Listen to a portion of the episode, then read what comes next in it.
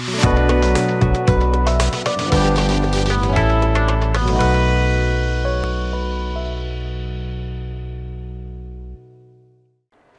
ဂလာပါရှင်မြန်မာပြည်သူပြည်သားအပေါင်းစိတ်ရချမ်းသာခြင်းကိုယ်ရည်ကျန်းမာခြင်းနဲ့ပြည့်စုံကြပါစေလို့ PPTV ဖွဲ့သားတွေရဲ့ဆုတောင်းမေတ္တာပို့တာပါတယ်ခုတစ်ပတ်တွင်ဖြစ်ပေါ်ခဲ့တဲ့သတင်းတွေနဲ့ပတ်သက်ပြီးသတင်းချင်းချုပ်ကိုကျွန်မစင်စင်ကတင်ဆက်ပေးသွားမှာဖြစ်ပါတယ်ရှင် ပထမဆုံးသတင်းအနေနဲ့အာနာရှင်စနစ်ကိုအငုပ်ကျွေးမှမကြမ်းအောင်အမြင့်ဖြတ်နိုင်ရင်မိကုံရန်ကုန်စ조사ကြဖို့ NUG ယာယီသမရကတိုက်တွန်းပြောကြားခဲ့တဲ့သတင်းပဲဖြစ်ပါတယ် အာဏာရှင်စနစ်ကိုမြမမြေပေါ်ကနေအငုတ်ကျွင်းမှမကြံအောင်အမြင့်ဖြတ်နိုင်ရေးမိကုံရန်ကုန်စ조사ကြဖို့အတွက်အမျိုးသားညီညွတ်ရေးအစိုးရယာယီသမရဒူဝါလက်ရှိလာကဩဂုတ်လ10ရက်မှာပြုလုပ်ခဲ့တဲ့ရှစ်လေးလုံးဒီမိုကရေစီအရေးတော်ပုံ34နှစ်မြောက်အထိမ်းအမှတ်အခမ်းအနားမှာတိုက်တွန်းပြောကြားခဲ့ရဖြစ်ပါတယ်။ ဒီနေ့တော်လန်ရေးရာ88မျိုးဆက်တော်လန်ရေးနောက်ဆက်ဖြစ်တဲ့နေဦးတော်လန်ရေးအဖွဲ့မှဦးဆောင်နေတဲ့ခေါင်းဆောင်ကြီးများအနေနဲ့မှတ်သားဖို့ကတော့ဆေးရနာရှင်ကိုဘယ်တော့မှမျက်နှာသာပေးလို့မရဘူး။အငုတ်ရောလုံးဝပြတ်ထွက်သွားအောင်နောက်ဆုံးဖြစ်နိုင်ရင်တော့အဲ့ဒီအငုတ်တွေမထွက်နိုင်အောင်အက်စစ်ပါလောင်းပြီးတော့အမြင့်ဖြတ်ရမှာဖြစ်ပါတယ်လို့ယာယီသမရကပြောကြားခဲ့ပါတယ်။ KSS အာနာရှင်အားတော်လန်ရမှာចောင်းသားပြည်သူမြောင်များစွာတေကျေပျက်စီးခဲ့ရပေမဲ့ဇွဲလုံးလာကြီးစွာနဲ့ဆက်လက်တော်လန်တိုက်ပွဲဝင်နေကြဆဲဖြစ်တယ်ဆိုတာနဲ့မြန်မာနိုင်ငံမှာနောက်ထပ်စစ်အာဏာရှင်တွေမရှိစေဖို့အမြင့်ဖြတ်ရမှာဖြစ်တာကြောင့်မိခုံရန်ကုန်စ조사ကြရမှာဖြစ်ကြောင်းနဲ့နေဦးတော်လန်ရေးမှာတော်လန်ရေးအင်အားစုတွေအကြားအချင်းချင်းယုံကြည်မှုဟာအရန်တိုးတက်လာနေပြီဖြစ်ပြီးတော့အဲ့ဒီယုံကြည်ချက်တွေနဲ့စစ်အာဏာရှင်ကိုအပိတိုင်ချင်းမုန်းကစစ်မှန်တဲ့တရားမျှတတဲ့ စစ်မှတ်ကင်းပြီးတိုးတက်တဲ့နိုင်ငံတော်ကိုတိဆောက်ကြဖို့ယာယီသမရကဆက်လက်တိုက်တွန်းပြောကြားခဲ့ပါတယ်။ဆက်လက်တင်ဆက်ပေးမယ့်သတင်းကတော့နိုင်ငံတကာမှာဖွင့်လှစ်ထားတဲ့ကိုယ်စားလှယ်ရုံးတွေဟာအကြမ်းဖက်စစ်ကောင်စီတပ်ဖြတ်ခဲ့တဲ့ပြည်သူတွေအတွက်တရားမျှတမှုရယူပေးဖို့အတွက်ဖြစ်တယ်လို့ NUG လူ့အခွင့်အရေးဒုဝန်ကြီးကပြောကြားခဲ့တဲ့သတင်းပဲဖြစ်ပါတယ်ရှင်။နိုင်ငံတကာမှာဖွင့်လှစ်ထားတဲ့အမျိုးသားညီညွတ်ရေးအစိုးရကိုယ်စားလှယ်ရုံးတွေဟာ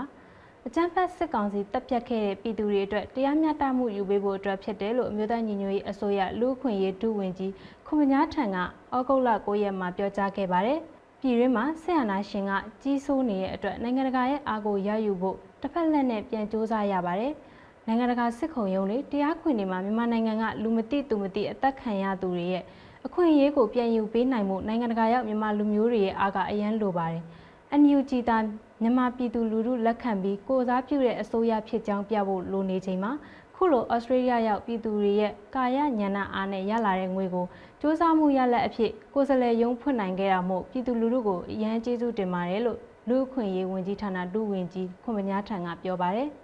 နိုင်ငံတကာမှာမြန်မာပြည်သူများထောက်ခံရွေးချယ်ထားတဲ့အမျိုးသားညီညွတ်ရေးအစိုးရအဖွဲ့ကိုယ်စားလှယ်ရုံးတရုံးစီဖွင့်လိုက်တိုင်းမှာ ကျန်းဖက်စစ်ကောင်စီကိုဖြုတ်ချနိုင်မှုမြန်မာပြည်သူတွေအတွက်တရားမျှတပြီးဖက်ဒရယ်ပြည်အောင်စုတည်ထောင်နိုင်မှုခြေလန်းတလန်းစီလှမ်းနေခြင်းသာဖြစ်တယ်လို့ဒုဝန်ကြီးကဆက်လက်ပြောပါတယ်။အမျိုးသားညီညွတ်ရေးအစိုးရကိုယ်စားလှယ်ရုံးတွေကိုဗြိတိန်နိုင်ငံ၊တောင်ကိုရီးယား၊နော်ဝေ၊ပြင်သစ်၊ဩစတြေးလျ၊ဂျပန်နိုင်ငံနဲ့ချက်နိုင်ငံစတဲ့နိုင်ငံခုနှစ်နိုင်ငံမှာဖွင့်လှစ်ထားနိုင်ပြီဖြစ်ပါတယ်ရှင်။ ဆက်လက်တင်ဆက်ပေးမယ့်သတင်းကတော့ចောင်းသား900လက်ခံတင် जा ပေးဖို့အတွက်ຫນွေဦးတက္ကသိုလ်နဲ့ချင်းမိုင်တက္ကသိုလ်တို့သဘောတူစာချုပ်လာလက်မှတ်ရေးထိုးခဲ့တဲ့သတင်းပဲဖြစ်ပါတယ်ရှင်။ចောင်းသား900ကျော်ကိုကနဦးအစီအစဉ်နဲ့လက်ခံတင် जा ပေးဖို့အတွက်ຫນွေဦးတက္ကသိုလ်နဲ့ချင်းမိုင်တက္ကသိုလ်တို့အကြားသဘောတူစာချုပ်လာကိုဩဂုတ်9ရက်မှာလက်မှတ်ရေးထိုးခဲ့ကြပါတယ်။ဒီလိုလက်မှတ်ရေးထိုးခဲ့ရမှာချင်းမိုင်တက္ကသိုလ်လက်အောက်ခံကျောင်းနဲ့ຫນွေဦးတက္ကသိုလ်တို့အကြားပညာရေးလုပ်ငန်းတွေပူးပေါင်းဆောင်ရွက်ကြဖို့သဘောတူစာချုပ်လာရေးထိုးခဲ့ကြတာပါ။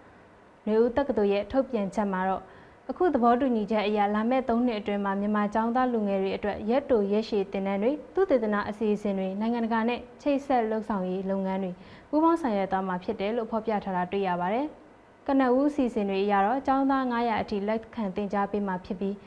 တင်နန်းသားခေါ်ယူတာကိုလည်းမကြမီကာလအတွင်းမှာစတင်သွားမှာဖြစ်တယ်ဆိုတာနဲ့ဆက်လုပ်မဲ့အစီအစဉ်တွေကိုလည်းအချိန်နဲ့တပြေးညီကြီးညာပေးသွားမှာဖြစ်တယ်လို့ဖော်ပြထားပါတယ်ရှင်။ နေဦးတက္ကသိုလ်ဆိုတာအကြမ်းဖက်စစ်အာဏာရှင်လက်အောက်မှာပညာမသင်ကြားလိုတဲ့ကျောင်းသားတွေသူရဲကောင်းတွေဆက်လက်သင်ကြားနိုင်မှုအတွက်ရည်ရွယ်ပြီးအသက်မွေးဝမ်းကျောင်းပညာရပ်တွေသင်ကြားနိုင်ရေးအနာဂတ်ဖက်ဒရယ်ဒီမိုကရေစီနိုင်ငံအတွက်လူငယ်ပညာရှင်တွေမွေးထုတ်နိုင်ရေးနေဦးတော်လှန်ရေးကနေစီဒီအန်သူရဲကောင်းတွေစင်ဆက်မပြတ်ကြီးမြင့်လှူဒန်းပေးရေးတို့အတွက်ရည်ရွယ်ပြီးဖွင့်လှစ်ထားတာဖြစ်ပါတယ်။ ဆက်လက်တင်ဆက်ပေးမယ့်သတင်းကတော့မလေးရှားနိုင်ငံမှာဖမ်းဆီးခံရတဲ့မြန်မာအလုပ်သမားတွေအရေးအမျိုးသားညီညွတ်ရေးအစိုးရကညှိနှိုင်းလှုပ်ဆောင်ပေးနေတဲ့ဆိုတဲ့သတင်းပဲဖြစ်ပါတယ်ရှင်။မလေးရှားနိုင်ငံအတွင်းမှာတရားမဝင်နေထိုင်ပြီးအလုပ်လုပ်ကိုင်မှုကြောင့်ဖမ်းဆီးခံလိုက်ရတဲ့မြန်မာလူသမားတွေအရေးအတွက်မြို့သားညီညွတ်ရေးအစိုးရကမလေးရှားနိုင်ငံသားရေးဝန်ကြီးဌာနကိုဆက်သွယ်ပြီးညှိနှိုင်းလှုပ်ဆောင်နေပါတယ်။ မြို့သားညီညွတ်ရေးအစိုးရနိုင်ငံသားရေးဝန်ကြီးဌာနကထုတ်ပြန်တဲ့ကြေညာချက်ထဲမှာဩဂုတ်9ရက်ကမလေးရှားနိုင်ငံအတွင်းဖမ်းဆီးထိန်းသိမ်းခံရတဲ့မြန်မာနိုင်ငံသားတွေအနေနဲ့ပတ်သက်ပြီးတော့မလေးရှားနိုင်ငံသားရေးဝန်ကြီးဌာနစီကိုမြစ်တာရက်ခံစာပေးပို့ခဲ့တယ်ဆိုတာနဲ့မြန်မာဒုက္ခသည်တွေအရေးနဲ့ပတ်သက်ပြီးတော့လည်းအချိန်နဲ့တပြေးညီဆက်လက်ညှိနှိုင်းဆောင်ရွက်သွားမှာဖြစ်တယ်ဆိုတဲ့အကြောင်းဖော်ပြထားပါတယ်ရှင်။ဩဂုတ်9ရက်ကမလေးရှားနိုင်ငံရဲ့တာဝန်ရှိသူတွေကတရားမဝင်နေထိုင်သူတွေကိုစီစစ်ဖမ်းဆီးရဲ့စီမံချက်လှုံ့ဆော်နေခြင်းအတွင်းမှာ မြန်မာလူမျိုးများစုနေထိုင်တဲ့တိုက်ခန်းတွေကနေလူတရာကျော်လောက်အထိဖမ်းဆီးခံခဲ့ရတာဖြစ်ပါတယ်။မြို့သားညီညွတ်ရေးအစိုးရအလုသမားဝင်ကြီးဌာနအနေနဲ့လည်းပြည်ပအလုပ်ကိုင်တိမှတ်ပြုကတ်ပြုလုပ်နိုင်ရေးအတွက်လည်းလှုံ့ဆော်နေရလို့လည်းမေလ28ရက်မှာသတင်းထုတ်ပြန်ထားပါတယ်။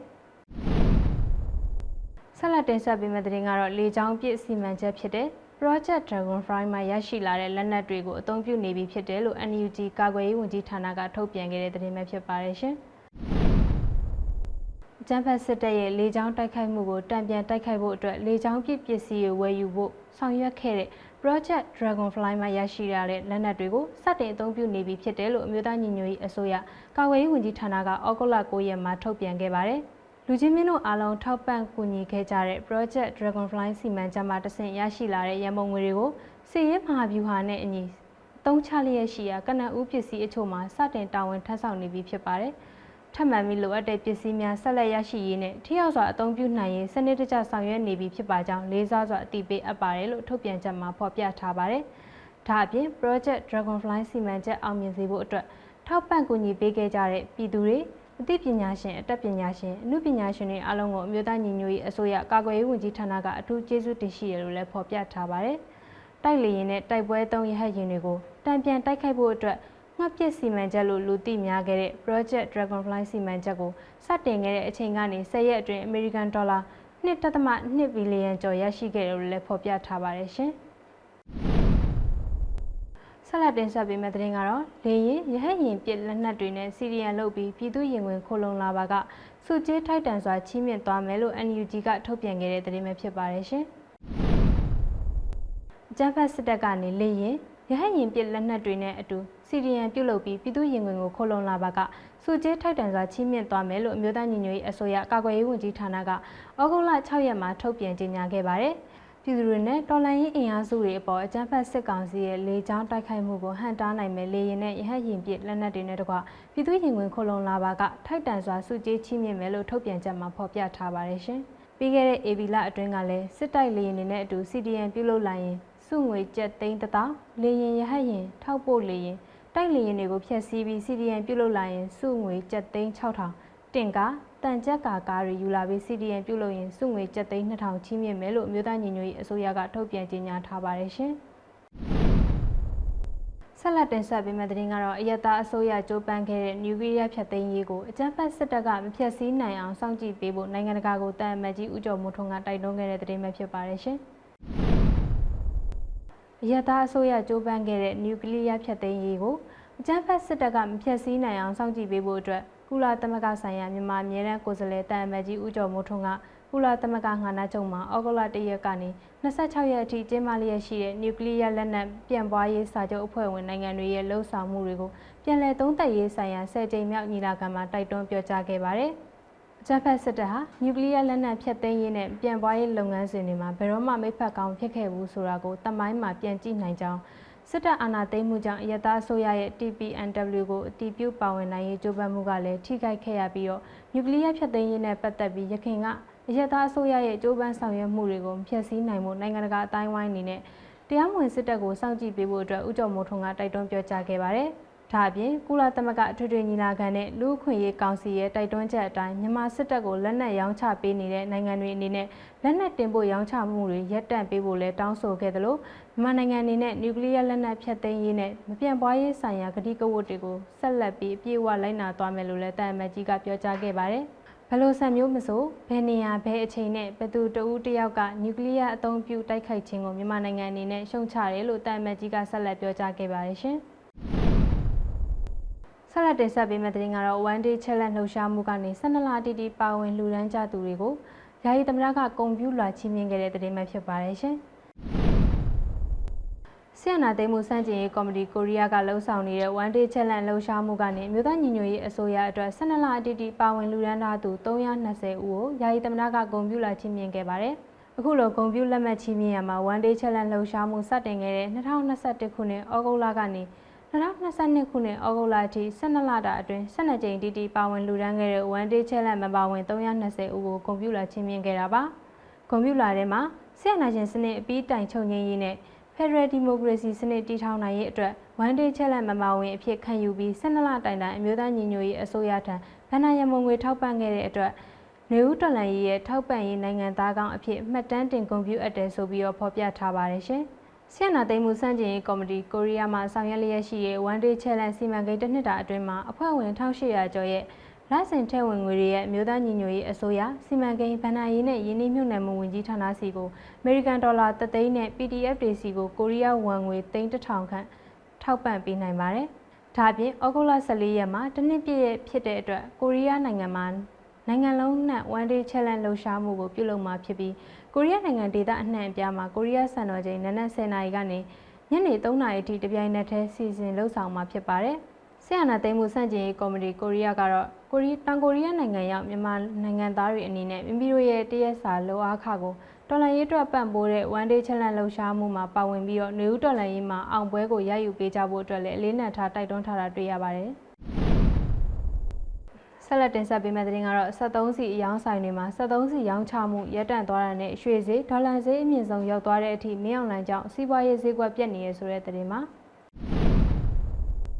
ပြည်တွင်းမှာ73စီအယောင်းဆိုင်တချို့က73စီတွေမရောင်းချနိုင်မဲဆိုင်တွေပိတ်ထားခဲ့ရတယ်လို့ဆိုင်အချို့ကလည်းသတ်မှတ်ထားတဲ့လီတာအရေအတွက်နဲ့ပဲရောင်းချပေးတော့တဲ့အထိမင်းအောင်လှိုင်လက်ထက်မှာပြည်သူတွေအခက်ကြုံနေရပါတယ်။ 73စီဈေးကလည်းလက်ရှိအချိန်မှ1လီတာကိုအနေဆုံးဈေးက2200ကျော်ဖြစ်တယ်လို့အမြင့်ဆုံးနှုန်းထားမှာလည်း2900အထိရှိနေပါပြီ။ဩဂုတ်23ရက်မနက်ပိုင်းအထိ73စီအယောင်ချို့ပိတ်ထားပြီးအယောင်ဆိုင်ချို့ကလည်းတအူးကို3000ကျပ်ဖိုးသာရောင်းချပေးနေတယ်လို့သတင်းမြင့်မြင့်တွေကနေ PPTV ကိုပြောပါရယ်။အခောက်ရွှေဈေးကလည်းစံချိန်တင်ဈေးနှုန်းအထိရောက်ရှိနေတာတွေ့ရပြီးတစ်ကြက်သားကိုကျပ်25သိန်းကျော်အထိရောက်ရှိနေပြီလို့ရွှေဈေးကွက်ကသိရပါရယ်။ဒါအပြင် အမေရိကန်ဒေါ်လာကိုငွေလဲဈေးနှုန်းကကျပ်ငွေ2950ကျော်အထိဖြစ်နေပါပြီ။ဒီလိုတွေစီးပွားရေးကမောက်ကမဖြစ်ရတာမင်းအွန်လိုင်းအာဏာသိမ်းပြီးနောက်တောက်လျှောက်ဖြစ်လာရတဲ့ဆိုပြီးတော့လေစီးပွားရေးပညာရှင်တွေကအမှတ်ချက်ပြုထားပါတယ်ရှင်ခုနောက်ဆုံးတင်ဆက်ပေးမယ့်သတင်းကတော့မင်းအွန်လိုင်းကိုနိုင်ငံတကာအဖွဲ့အစည်းဆန်အဖွဲ့ကဝင်ကြီးချုပ်လို့လိမ့်မှုပြီးစာပေးပို့မှုအပေါ်ရပ်ဖက်အဖွဲ့အစည်း386ဖွဲ့ကအပြင်းထန်ကောက်ကွက်လိုက်တဲ့သတင်းမှာ ကျန်းဖတ်ခေါင်းဆောင်မင်းအောင်လှိုင်ကိုနိုင်ငံတကာအဖွဲ့အစည်း12ဖွဲ့ကဝင်ကြီးချုပ်လို့လိမ့်မှုပြီးစာပေးပို့မှုအပေါ်ရပ်ဖတ်ဖွဲ့အစည်း386ဖွဲ့ကအပြင်းထန်ကန့်ကွက်တယ်လို့ဖော်ပြလိုက်တယ်လို့မြန်မာပြည်သူတွေကိုလည်းအခုလိုရေးသားခဲ့တဲ့အတွက်ပြန်တောင်းပန်ရမယ်လို့ထုတ်ပြန်လိုက်ပါတယ်။မြန်မာနိုင်ငံဆိုင်ရာ Save the Children ကတော့သူတို့ရဲ့တရားဝင် Facebook page မှာအဲ့ဒီစာပေးပို့မှုအပေါ်သူတို့အနေနဲ့တစုံတရာမသိရှိရတယ်လို့အတိပေးကြောင်းကြားတာမျိုးမလုပ်ဘဲဖွဲ့စည်းနာမည်ထည့်သွင်းအသုံးပြုလိုက်တာဖြစ်တယ်လို့ပြန်လည်ဖြေရှင်းထားပါတယ်။ ဒါအပြင် Human Rights အဖွဲ့ကလည်းပေးစာနဲ့ပတ်သက်ပြီး၎င်းတို့အဖွဲ့ကိုအသိပေးတာသဘောတူညီချက်ရယူတာတွေမရှိခဲ့ဘူးလို့ဖော်ပြခဲ့တယ်လို့မှားယွင်းမှုအတွက်တောင်းပန်နေဆိုပြီးပြန်လည်ရှင်းလင်းထားပါတယ်။ရပ်ဖက်အဖွဲ့အစည်း386ဖွဲ့ရဲ့ထုတ်ပြန်ချက်မှာနိုင်ငံတကာအဖွဲ့အစည်း12ဖွဲ့ရဲ့အခုလိုစာပေးပို့မှုကကျန်းဖက်စစ်တပ်ရဲ့အာဏာသိမ်းမှုကိုတွန်းလှန်နေတဲ့မြန်မာပြည်သူတွေပေါ်စော့ကားလိုက်တဲ့လုပ်ရက်တစ်ခုဖြစ်တဲ့ ကျန်းဖက်စစ်ကောင်စီကတရားဝင်အစိုးရမဟုတ်သလိုအစိုးရတရက်လှုပ်ဆောင်ရမယ့်လုပ်ငန်းတွေကိုထိန်းချုပ်နိုင်စွမ်းမရှိတဲ့သူတွေဖြစ်တယ်လို့လည်းဖော်ပြထားပါတယ်။နိုင်ငံတကာအဖွဲ့အစည်းတွေအနေနဲ့အခုလိုမျိုးချိတ်ဆက်ဆောင်ရွက်မှုကို2020ရွေးကောက်ပွဲရလဒ်တွေကိုအခြေခံပြီးဖွဲ့စည်းထားတဲ့မြို့သားညီညွတ်ရေးအစိုးရထံကသာလိမ့်မှုပြီးတော့ပေးပို့ရမှာဖြစ်တယ်ဆိုပြီးတော့လည်းရက်ဖက်အဖွဲ့အစည်းတွေကတိုက်တွန်းထားပါတယ်။ဒါကတော့တပတ်တွင်းဖြစ်ပေါ်ခဲ့တဲ့သတင်းကျဉ်းချုပ်ကိုတင်ဆက်ပေးခဲ့တာပဲဖြစ်ပါတယ်။ကျေးဇူးတင်ပါတယ်ရှင်။